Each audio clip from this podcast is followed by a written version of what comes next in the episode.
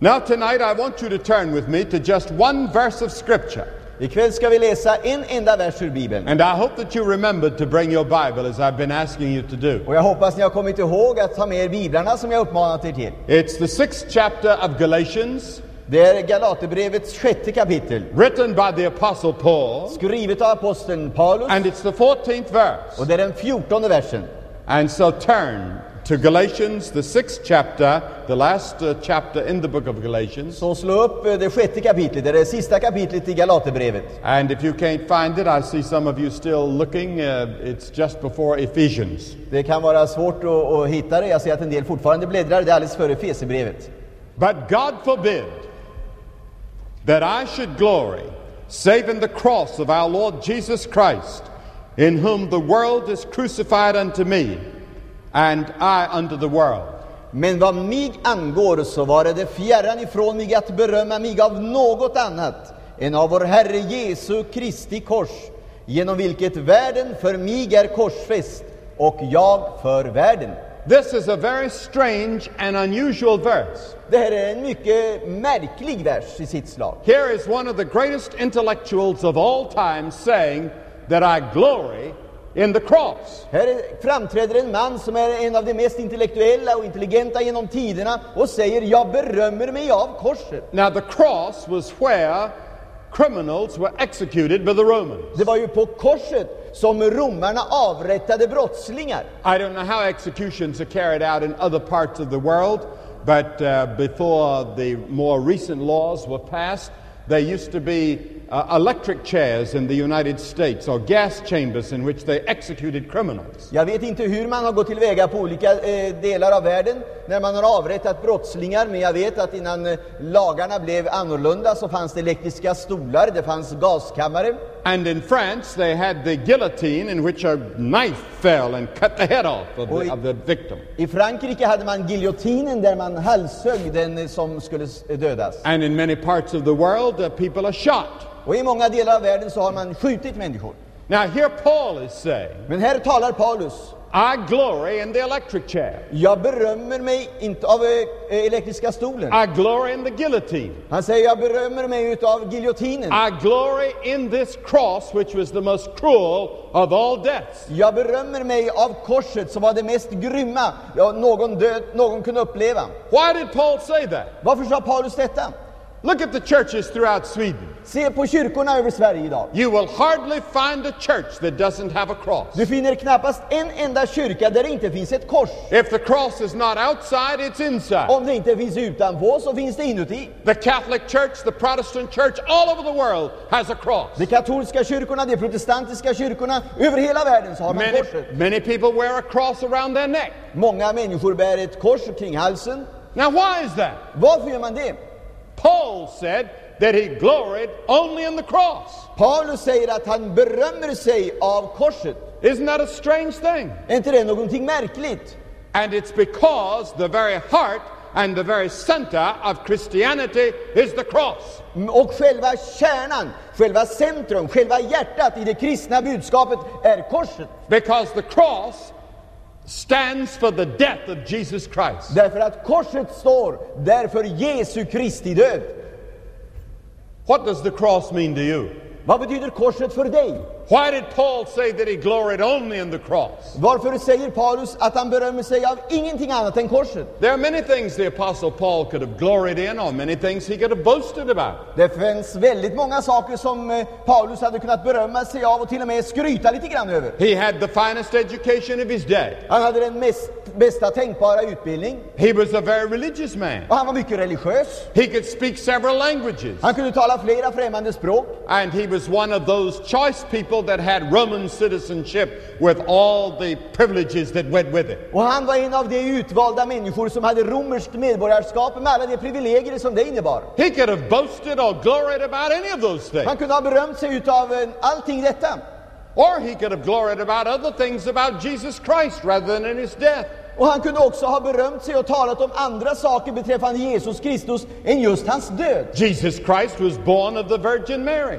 Jesus Kristus, Jesus Kristus var född av en jungfru. It was a supernatural birth. Det var ju en övernaturlig födelse. Uh, we in the Protestant church have made far too little of Mary. Eh, Vi i den protestantiska kyrkan har betonat detta alldeles för lite med Maria. Mary was the most blessed of all women. Maria var den mest välsignade utav alla kvinnor. She was a very young woman, Hon var en mycket ung kvinna and she did not know a man. och hon visste inte av någon man. She had not been with a man. Hon hade inte varit tillsammans med en man. But the Holy Spirit impregnated her with the Holy Child Jesus. Men hon blev havande genom den helige Ande med barnet Jesus Kristus. He was supernaturally born, Han blev övernaturligt född. and we call it the virgin birth. Och det är det vi kallar jungfrufödseln. He could have gloried in that.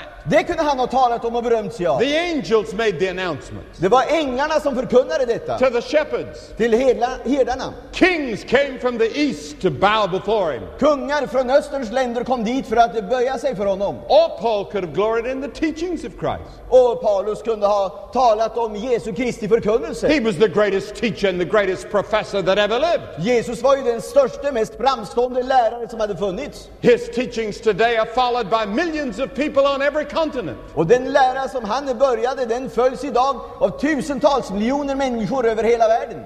Just three weeks ago, I was in Africa, För tre veckor sedan var jag i Afrika. and I saw thousands of people that were reading the Bible and carrying their Bibles to service. Och där såg jag tusentals människor som läste Bibeln och som hade biblarna med sig när de gick till gudstjänst. And it's the same the world over. Och det är likadant hela världen över. They're studying the teachings of Jesus. Det är läran och undervisningen om Jesus Kristus. There are thousands of schools throughout the world that are dedicated to Him. Det finns tusentals skolor över hela världen där man ägnar sig åt den läran, åt Jesus Kristus. All the Apostle Paul could have gloried in his resurrection Och Paulus hade kunnat tala om Jesu uppståndelse och framhållit den. because Jesus rose from the dead and He's alive now. För Jesus uppstod från de döda och han lever idag. Or He could have gloried in the future kingdom that is going to come Eller han kunde ha talat och betonat om den tillkommande that världen I'll talk about Sunday afternoon som jag kommer att tala om på söndag eftermiddag. because the kingdom of God will triumph. Därför att Guds rike kommer att ha framgång. And those that are following Christ today are going to be members of that kingdom. Och de som idag följer Jesus Kristus kommer att bli medborgare i det riket. But Paul said no.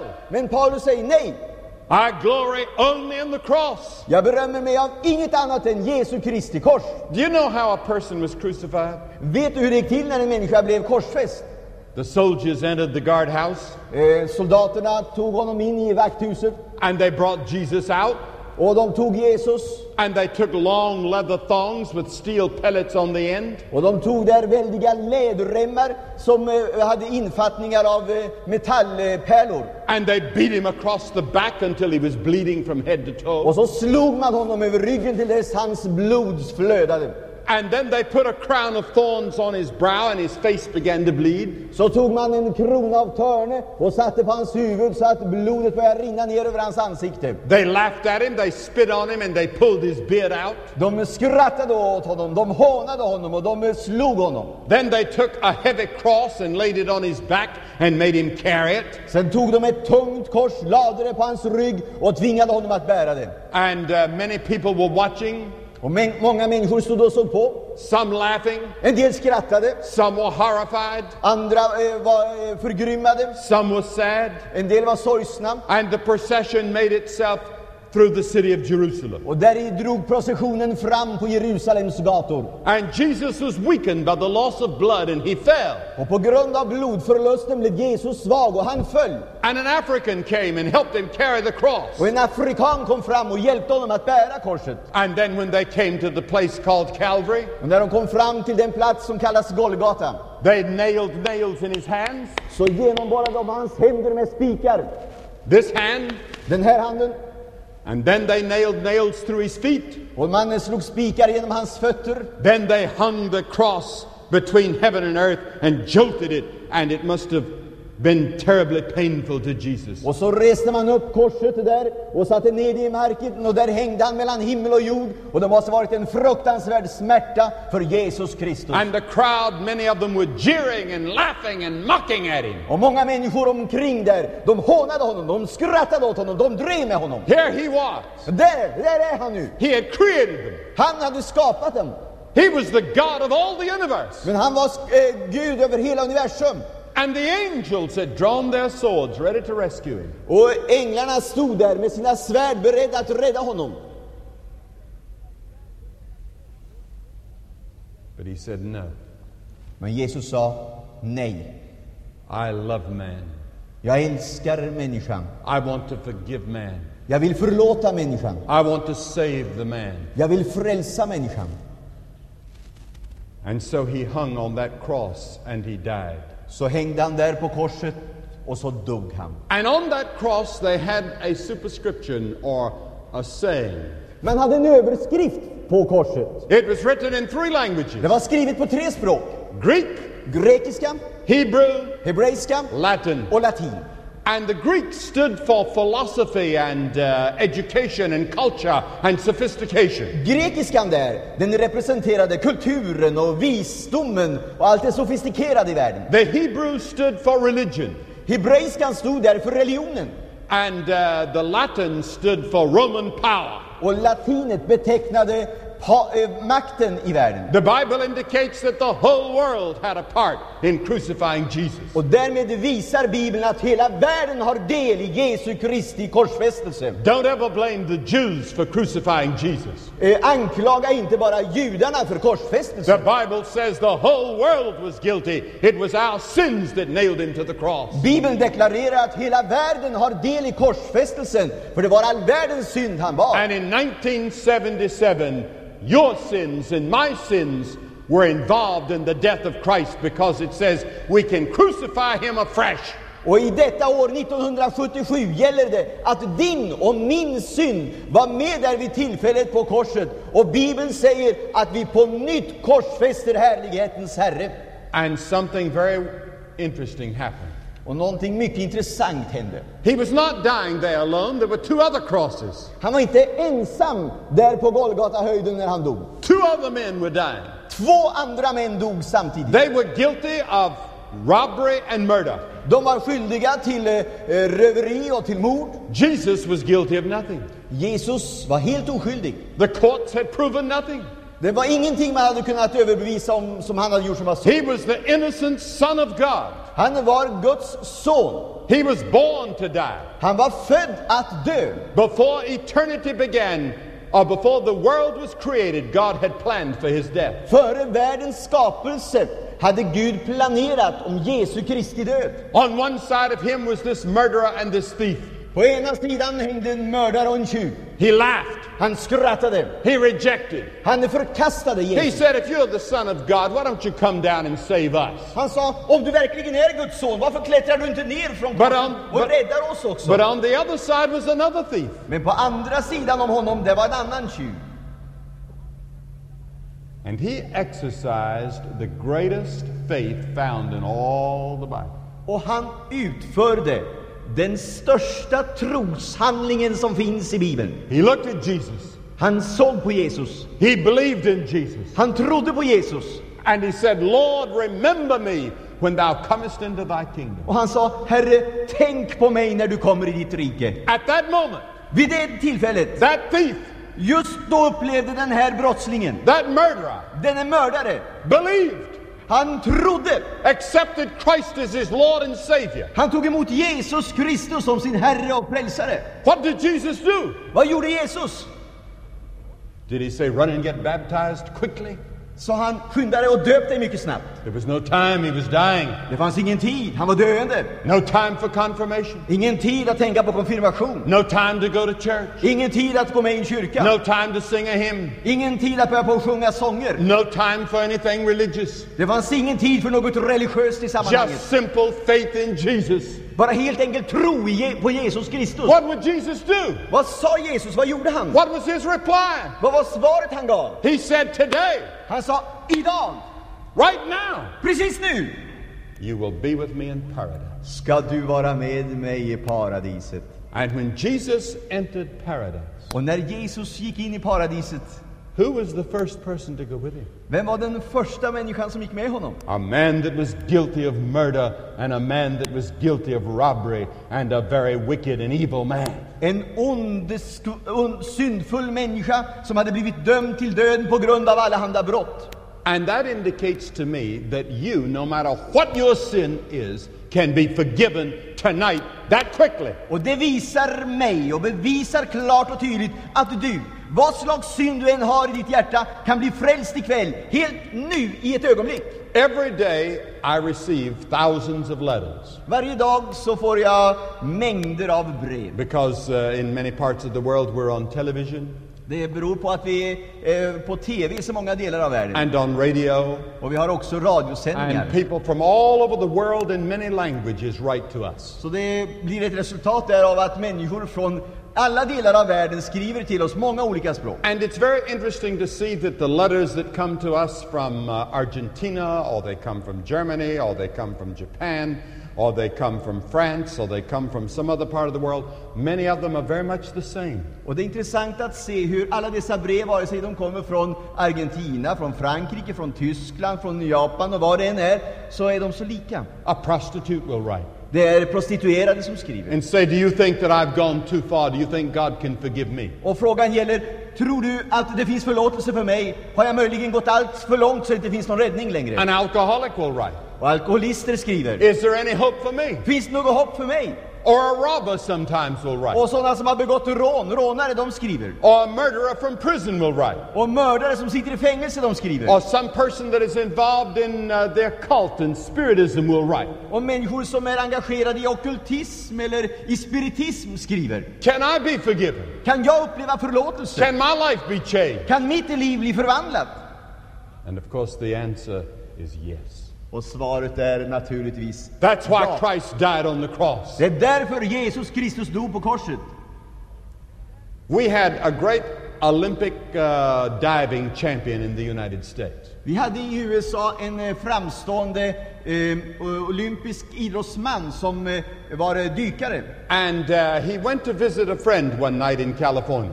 Han eh, for och besökte en god vän i Kalifornien vid ett tillfälle. And the friend had uh, an Olympic sized swimming pool that his father had built for him, and he also had the high diving boards. Och den här eh, gode vännen han hade en eh, swimmingpool som var med olympiska mått och, och där fanns också ett väldigt hopptorn. And about midnight, he decided he would go and uh, practice some of his diving. Och den här eh, mannen han eh, eh, fick för sig bortåt midnatt en kväll att han skulle gå ut och hoppa. So he went up to the first board, Så han gick upp där på första avsatsen then he went to the second board, och så gick han upp till den andra avsatsen på hopptornet then he went to the highest, och så gick han högst upp. and he decided he was going to dive in. Och så beslutade han sig för att han skulle dyka ner. And at first, he put his hands out like that, Och så räckte han ut händerna på det här sättet. and he saw a strange thing. Och då såg han något märkligt. The moon was shining, Månen sken. and he saw a cross in the pool. Och så såg han ett kors His arms outstretched had made a cross. Hans armar som var uträckta formade ett kors. And he stopped and began to think a little bit. Han stannade upp och började tänka. And then he did it again. Så gjorde han likadant igen. And there was a cross. Och då var korset där. And something said, Don't dive. Och det var någonting inom honom som sa, dyk inte.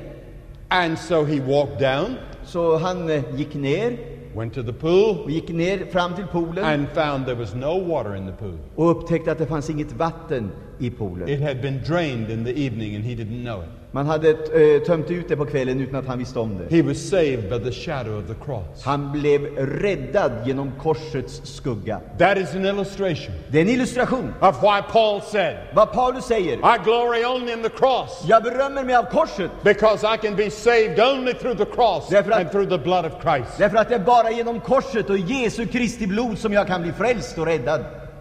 You know, I was in a certain country, not Sweden or not, not even Europe.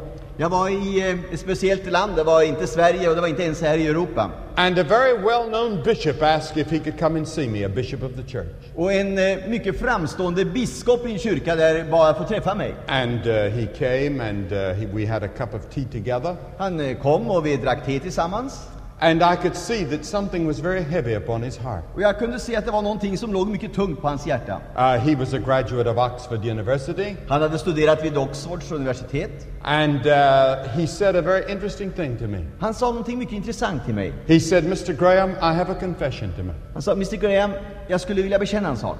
I have a fine theological education. Jag har en mycket fin eh, teologisk utbildning. I'm a bishop in my denomination. Jag är ju biskop i den kyrka jag tillhör. But I do not know whether Jesus Christ lives in my heart. Men jag vet inte om Jesus Kristus bor i mitt hjärta eller ej. And I want you to pray for me. Och jag vill att du ska be för mig.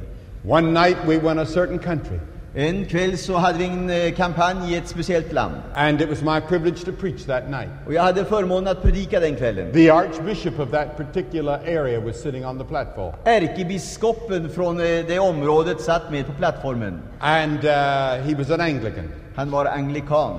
And when I gave the appeal for people to come to Christ, he started to go. Och när jag gjorde, gav ut inbjudan till människor att komma fram för att begära förbön, så reste han sig för att gå. And he said later, I, I forgot I was an archbishop. I just knew that I was a sinner before God. Han sa, jag glömde fullkomligt bort att jag var ärkebiskop. Jag bara kände en sak, att jag var en syndare inför Gud. And Grady Wilson was sitting on the platform and saw what was happening, and he reached out and grabbed the arm of the archbishop and said, I would advise you not to do that. And Grady Wilson satt också vid det tillfället på plattformen och han fick se vad som hände. Han tog tag i ärkebiskopens arm och, och stoppade honom. You're the archbishop, Han sa, du är and ärkebiskop. the press will distort what happened. Och tänk på vad pressen kommer att uppmärksamma om det här sker. But later, this man said, Men senare sa den här mannen, I have my education, I'm an archbishop, but tonight I have found Christ. Jag har haft min utbildning och jag har haft min höga ställning, men ikväll har jag funnit Jesus Kristus. Like Nicodemus, Precis som Nikodemus. a theological man, En teologiskt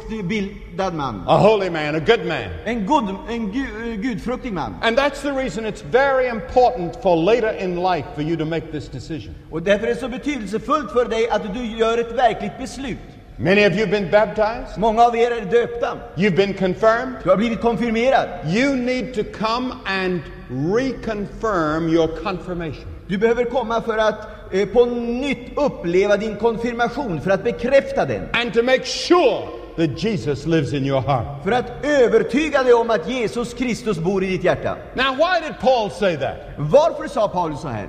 I glory in the cross only. Jag berömmer mig endast av Kristi kors. Three reasons, Det är tre anledningar, maybe four. kanske fyra. First, because the cross shows the depth of our sin. För det första, att, därför att korset visar djupet av vår synd. When I see the cross, När jag ser korset I see sin at its worst. Så ser jag synden som den är som mest fruktansvärd. Here was the Holy Son of God. Här var Guds helige son. He had gone about doing good. Han hade gått omkring och gjort väl och hjälpt alla. He fed the poor. Han hade mättat de hungriga.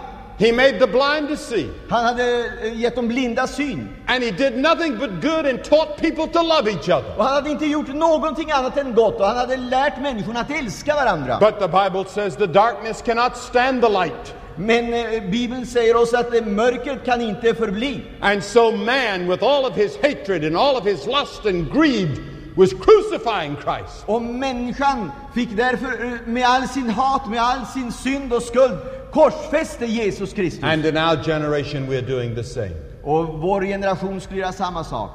We're crucifying Christ afresh Vi korsfäster på nytt Jesus Kristus by the way we live, på det sätt som vi lever. by our lust and greed and pride and jealousy and hatred. Med alla våra lustar och allting som får behärska hela vår människa.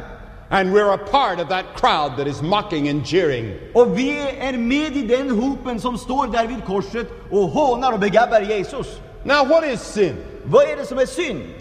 There are many definitions of sin in the Bible, Det finns i Bibeln väldigt många definitioner på synd. but there are two primary definitions. Men det finns eh, två särskilt eh, eh, framstående. I was interviewed on national television yesterday here in Sweden, and that was one of the questions they asked.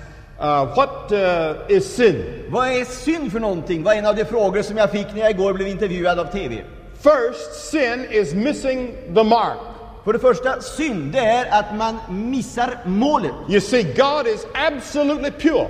Eh, Kom ihåg att Gud är absolut ren och helig. He is absolute holy. Han är fullkomligt helig. He cannot even look on sin. Han kan inte ens se på synd. And the Bible says in 1 John 5:17, all unrighteousness is sin. Och Bibeln säger i första Johannes brev 5 och 17 att all orättfärdighet är synd. If you are not morally perfect, you're a sinner. Om du inte är moraliskt fullkomlig så är du en syndare. Now I can look at a diamond Jag kan se på en diamant through my naked and untrained eye and it looks perfect to me. och med blotta ögat så ser den fullkomlig ut. But a jeweler can take his glass Men eh, en juvelerare kan ta sitt eh, glas and look at the diamond. och han ser på diamanten. And he can see sometimes a flaw in the diamond Och han kan se att det är några brister i den. that I cannot see. Jag kan inte se det. But God looks at all of us Men Gud ser på oss allesammans. and he sees a flaw. Och han ser att det är brister. We are not holy. Vi är inte heliga. We are not righteous. Vi är inte rättfärdiga. And without righteousness and without holiness, no man will see God. Och utan helgelse kan ingen människa få se Gud. So what has to be done? Så vad måste ske? A righteousness and a holiness that you don't have yourself has to be provided for you. En rättfärdighet och helighet som du inte själv kan åstadkomma måste erbjudas dig. If you're to enter heaven. Om du ska komma in i himlen. And that's what Christ did on the cross. Och det var just det som Kristus gjorde på korset. On the cross, he provided the righteousness and the holiness that we need to go to heaven. Genom sin död på korset så åstadkom han den rättfärdighet och helighet som behövs för att du och jag ska komma till himlen. Now, you study the Old Testament, and the Old Testament will make no sense to you unless you understand one thing. Eh, om du studerar Gamla Testamentet så kommer det inte att betyda någonting för dig om det inte är en sak som du eh, lär dig förstå. It's filled with blood. Det är fyllt med blod. All these animals that were slain, Alla de här djuren som skulle slaktas. uh, even animals slain in the Garden of Eden. When Adam and Eve had sinned, God went out and slew animals, and blood was shed and clothed Adam and Eve. Till och med när eh, Adam och Eva hade syndat i Edens lustgård så slaktades ett djur och blodet utgavs till försoning. And in the religion of the Old Testament of Judaism, hundreds and thousands of animals were slain. Under judaismen, i den religion som vi läser om i Gamla Testamentet, så var det tusentals och hundratusentals djur som slaktades till offer och försoning för människans synd. and the altars dripped with blood. Och altaret fullkomligt dröp av blod. And did you know that that idea is in every part of the world? Och vet du att den idén förekommer och möter man i alla delar av världen? I took my studies in anthropology, Jag eh, har studerat antropologi. And we never found a tribe or a people anywhere in the world that didn't practice at some time blood sacrifice. Och vi fann inte någonstans i hela världen där man inte vid några tillfällen hade praktiserat detta att man offrade och gav ut blod. First, for example, the Aztec Indians of Mexico, which had a very advanced civilization, would kill an average of 20,000 human beings a year as sacrifices to their gods. Och det förekom i gamla tider i mexikanska religioner där man hade en högtstående civilisation att man dödade tusentals varelser för offer. Now, where did that idea come from? Var kommer de där idéerna ifrån? Jesus is called the Lamb of God. Jesus är kallad Guds lamm. John the Baptist said, There goes the Lamb of God that taketh away the sin of the world. Johannes döparen säger se Guds lamm som borttager världens synd. No more sacrifices are needed. Inga fler offer är nödvändiga. No more blood needs to be offered. Inte mer behövs det ges ut några gott blod. Jesus bowed his head on the cross and said, It's finished. Jesus böjde sitt huvud på korset och säger det är fullbordat. And all of your sins Och all din synd were laid on him. blev lagd på honom. He became the sin bearer. He became the lamb slain for you. Och han blev lammet som slaktades just för dig. No wonder Paul said, I glory only in the cross. Det är inte att undra på att Paulus säger det är av korset jag berömmer mig. There's a second definition of sin. Det finns en annan definition på It's a synd. transgression of the law of God. 1 John 3 4. Och det är att överträda Herrens lag. Första Johannes 3 och 4. Now, what is the law? Vad är då lagen? The Ten Commandments. De tio eh, budorden. I want to ask you a question. Jag skulle vilja ställa en fråga till dig. Have you ever broken one of the commandments? Har du någon gång eh, brutit mot något av de tio budorden? Have you? Har du det? Have you? Hur har du det? Have I? Har jag gjort det? Yes. Ja. Thou shalt not have any other gods before me. Du skall inga andra gudar hava jämte mig. That's the first commandment. Det första budet. And we have other gods before us today. Och vi har andra gudar idag. The gods of materialism. Materialismen är en gud. Anything that you love more than you do God is your God. Vad det än är som du älskar mer än Gud, det har blivit en gud för dig. Or honor your parents. Eller eh, hedra din fader och din moder. Have you always honored your parents? Har du alltid hedrat dina föräldrar? Oh, thou shalt not murder, thou shalt not kill. Eller eh, du skall icke döda? But Jesus said, wait a minute. Men Jesus sa, vänta ett ögonblick här. He said that passage means that if you have hate in your heart, you've already committed murder. Eh, Det här stället betyder att om du går och bär hat i ditt hjärta så har du redan begått mord. Thou shalt not commit adultery. Du ska inte begå äktenskapsbrott. But Jesus said, if you have lust in your heart, you've already committed it. Men Jesus gör klart att om du har lust och begärelse i ditt hjärta så har du begått äktenskapsbrott. You shall not tell a lie, Du ska inte bära falskt vittnesbörd. any kind of lie. Inga slags lögner. Have you ever told a lie? Har du någon gång ljugit? Thou shalt not covet. Du ska inte... eh, Du får inte begå några sådana brott. But we do covet. Men vi gör det gång efter annan. So what does that make us? Vad gör det här oss till? What do you say? Vad säger du? Sinner. Syndare gör oss till. We're all sinners. Vi är alla syndare. Now, when God gave the Ten Commandments, He knew that you couldn't keep them. När Gud gav de tio budorden så visste han att du inte kunde hålla dem. Well, then why did He give them? Men varför gav han dem då? The Bible says that the Ten Commandments become a mirror. Bibeln säger att de tio budorden blev en spegel. I read them, Jag läser dem, I study them, jag studerar dem, I listen to the interpretation of the Ten Commandments by Jesus in the Sermon on the Mount, jag lyssnar till den tolkning som Jesus ger av budorden i bergspredikan. and I look in that mirror, Och jag ser i den spegeln. and I know that I'm a sinner. Och jag vet med mig att jag är en syndare. I've broken those commandments. Jag har brutit mot dessa bud. And the Bible says that if you have broken one of them just one time in your life, you've broken them all. Och Jesus säger om du har brutit mot ett av dessa bud vid ett tillfälle i ditt liv så har du brutit mot dem alla. So not one person in this audience can stand up and say, I am sinless. Så det finns inte en enda person i hela denna samling som kan stå upp och säga jag är utan synd. So what do you need? Vad behöver du? You need forgiveness. Du behöver förlåtelse. You need reconciliation to God. Du behöver bli försonad med Gud. Because God, sin separates you from God. Därför att synden skiljer dig från Gud. That's why Christ died. Var därför som Kristus dog. He died to reconcile you to God. Han dog för att försona dig med Gud. He died to provide for you a righteousness you do not have. Han dog för att åstadkomma en rättfärdighet som du inte själv har. He died to forgive your sin. Han dog för att förlåta dig din synd. This sin has affected your mind so that you even you don't think quite right. Eh, Synden har påverkat ditt sinne så du inte ens tänker rätt. It affects your will. Den har påverkat din vilja.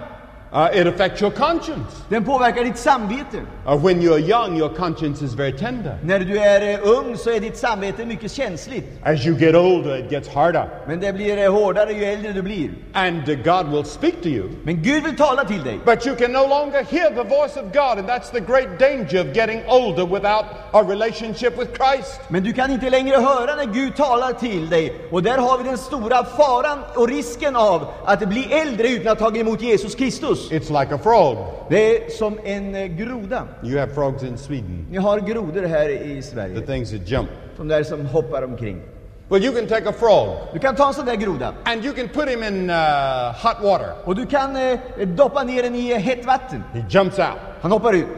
But you put him in the cool water, Men om du lägger den i kallt vatten gradually heat him, och så småningom hettar upp det and he doesn't know the water is getting hotter and hotter and hotter, så märker inte grodan att vattnet blir hetare och hetare and he stays there and he dies. och stannar där och dör. Now that's the way sin is. Det är på samma sätt med synden. The sin creeps upon you. Synden kommer över dig, den smyger sig på dig. You say, Someday I'm going to make my peace with God. Du säger en dag så ska jag söka mig fram till frid med Gud. Someday I'm going to get forgiveness. En dag så ska jag uppleva But in förlåtelse. the meantime, I want to live the way I want to Men under tiden så vill jag leva livet som jag själv vill. I know I'm going to die someday. Jag vet att jag kommer att dö en dag. I want to go to heaven. Jag vill komma till himlen. I want God. Jag vill ha Gud. But you see, you're like the frog. Men du är precis som den där grodan. Sin is doing its deadly work. Eh, Synden utför ett förödande arbete, ett dödande arbete i ditt. One time uh, at Niagara Falls in New York, Eh, En kväll vid eh, fallen i New York there was an iceberg floating down the Niagara River. så var det ett isberg som kom ner där vid Niagarafloden. And uh, on the iceberg uh, was, was the carcass of a sheep. Och där på berget så fanns en del av ett eh, skepp. And uh, a, a great eagle, a great giant eagle, a great bird came and sat on the iceberg and began to eat. Och en, eh, en örn slog sig ned på eh, isberget och började äta. And the iceberg was getting closer and closer to the Niagara Falls. Och isberget kom närmare och närmare Niagarafallet. And some people from the shore yelled at the eagle and tried to scare him away because they knew that he might go over and be killed. Och en del människor som eh, såg det där, de ropade åt eh, eh, den och försökte skrämma bort den. But the eagle thought to himself, I have plenty of time, I have powerful wings, I can wait till the very last minute. Men örnen lät sig inte skrämmas utan fortsatte där och tänkte så här, jag har det gott om tid och jag har starka vingar, jag ska klara mig. And just before they came to the falls, Och precis där alldeles före fallet, he raised his great giant wings, och så lyfter han sina vingar, but nothing happened. men inget hände. His feet were frozen to the ice. Fötterna hade frusit fast på He isberget. went screaming to his death. Han, eh, eh, örnen dog där och skrek under detta sitt And lidande. that's the way we are. Det är precis på samma sätt med oss. We go on gouging ourselves in the materialism of this world, and we do not listen to the voice of God, and there comes a day when it's too late. Vi lever vårt liv där i materialism och tror att allt samman ska gå bra, men så upptäcker vi plötsligt en dag att det har blivit för sent. The very fact that you're here tonight Det är just detta att du är här ikväll. indicates to me it's not too late for you. Det talar om för mig att det inte är för sent för dig. People have prayed. Folk har bett. This campaign has been carefully prepared. Den här kampanjen har förberetts med mycken bön. You were invited here as by a friend, Det är någon vän som har inbjudit dig att komma hit. or you saw the publicity in the newspaper. Eller du har eh, uppmärksammat publiciteten i tidningarna. In some way, you came here tonight, Det är i alla fall någon anledning att du har kommit hit. never dreaming Du har eh, aldrig tänkt på det. that this was the night Att det här skulle vara just den kvällen. that you were to meet God in Christ. När du skulle få möta Gud genom Jesus Kristus. But this is your night with Him. Men det här är din kväll att möta honom. And the last thing I want to say about the cross Det sista jag vill säga om korset. Paul said that he gloried only in the cross. Paulus säger att han berömmer sig av inget annat än korset. Because when I see the cross, Därför att när jag ser korset I see the love of God. så ser jag Guds kärlek. How could God hold his anger back? Hur kunde Gud hålla sin vrede tillbaka? Small little human beings crucifying his own son. Små ynkliga människovarelser korsfäster hans egen son. None of us can understand the depth and the height and the breadth of the love of God. Ingen av oss kan fatta höjden och bredden och djupet av Guds oändliga kärlek. And no matter what you've done and who you are, God loves you. Och det betyder ingenting vad du har gjort och vem du än är. Gud älskar dig. God commended his love toward us that in that while we were yet sinners, Christ died for us. Gud bevisar sin kärlek till oss därmed att Kristus dog för oss medan vi ännu vore syndare. For God so loved the world, Ty så älskade Gud världen, that's you, med dig, that he gave att han utgav his only begotten son. sin enfödde son. He gave him Han utgav honom. on the cross på korset. that whosoever, Att var och en, that's you, det är du, anybody, vem som helst, that whosoever att den som believeth in him, tror på honom, like the thief on the cross, precis som rövaren på korset, put all your trust and all your confidence in him sätter all sin tro, all sin tillit och förtröstan på honom, as your Lord and Savior precis som, som din Herre och Mästare, and will live for him och vill leva för honom, and follow him and serve him. och följa honom och tjäna honom. That's implied in the word believe. Det är det som ligger i ordet tro. Whosoever believeth in him Den som tror på honom should not perish. skall inte förgås. Because there are hundreds of people in this audience tonight that are going to perish. För det är hundratals människor ikväll som kommer att förgås. I pray not, Jag ber att det inte ska ske. but there are millions of people who are rejecting Christ who will perish. Men det är miljoner människor som förkastar Jesus Kristus och de ska förgås. What does it mean to perish? Vad betyder det att förgås? I do not know all about it. There are mysteries about hell that I do not understand. Jag vet inte allt sammans om det här. Det är sådana mysterier som vi aldrig kan tränga in i. But I know that Jesus talked about it and warned about it more than any other person in the Bible. Men jag vet att Jesus mer än någon annan har talat om det och har varnat för den platsen. Whosoever believeth in him should not perish but have everlasting life. Men den som tror på honom skall icke förgås utan hava evigt liv. Do you know what everlasting means? Vet du vad som betyder, menas med evigt liv? I don't. Jag vet inte. It's forever Det är någonting som pågår för alltid and ever och alltid. and no end. Och det finns inget slut. It doesn't begin when you die. Det börjar inte när du dör. It begins when you come by faith and repentance to the cross, Det börjar den stund när du med omvändelse och bön om bättring kommer till korset. where Jesus Christ died. Där Jesus Kristus dog. And when he died, Och när han dog, God raised him from the dead.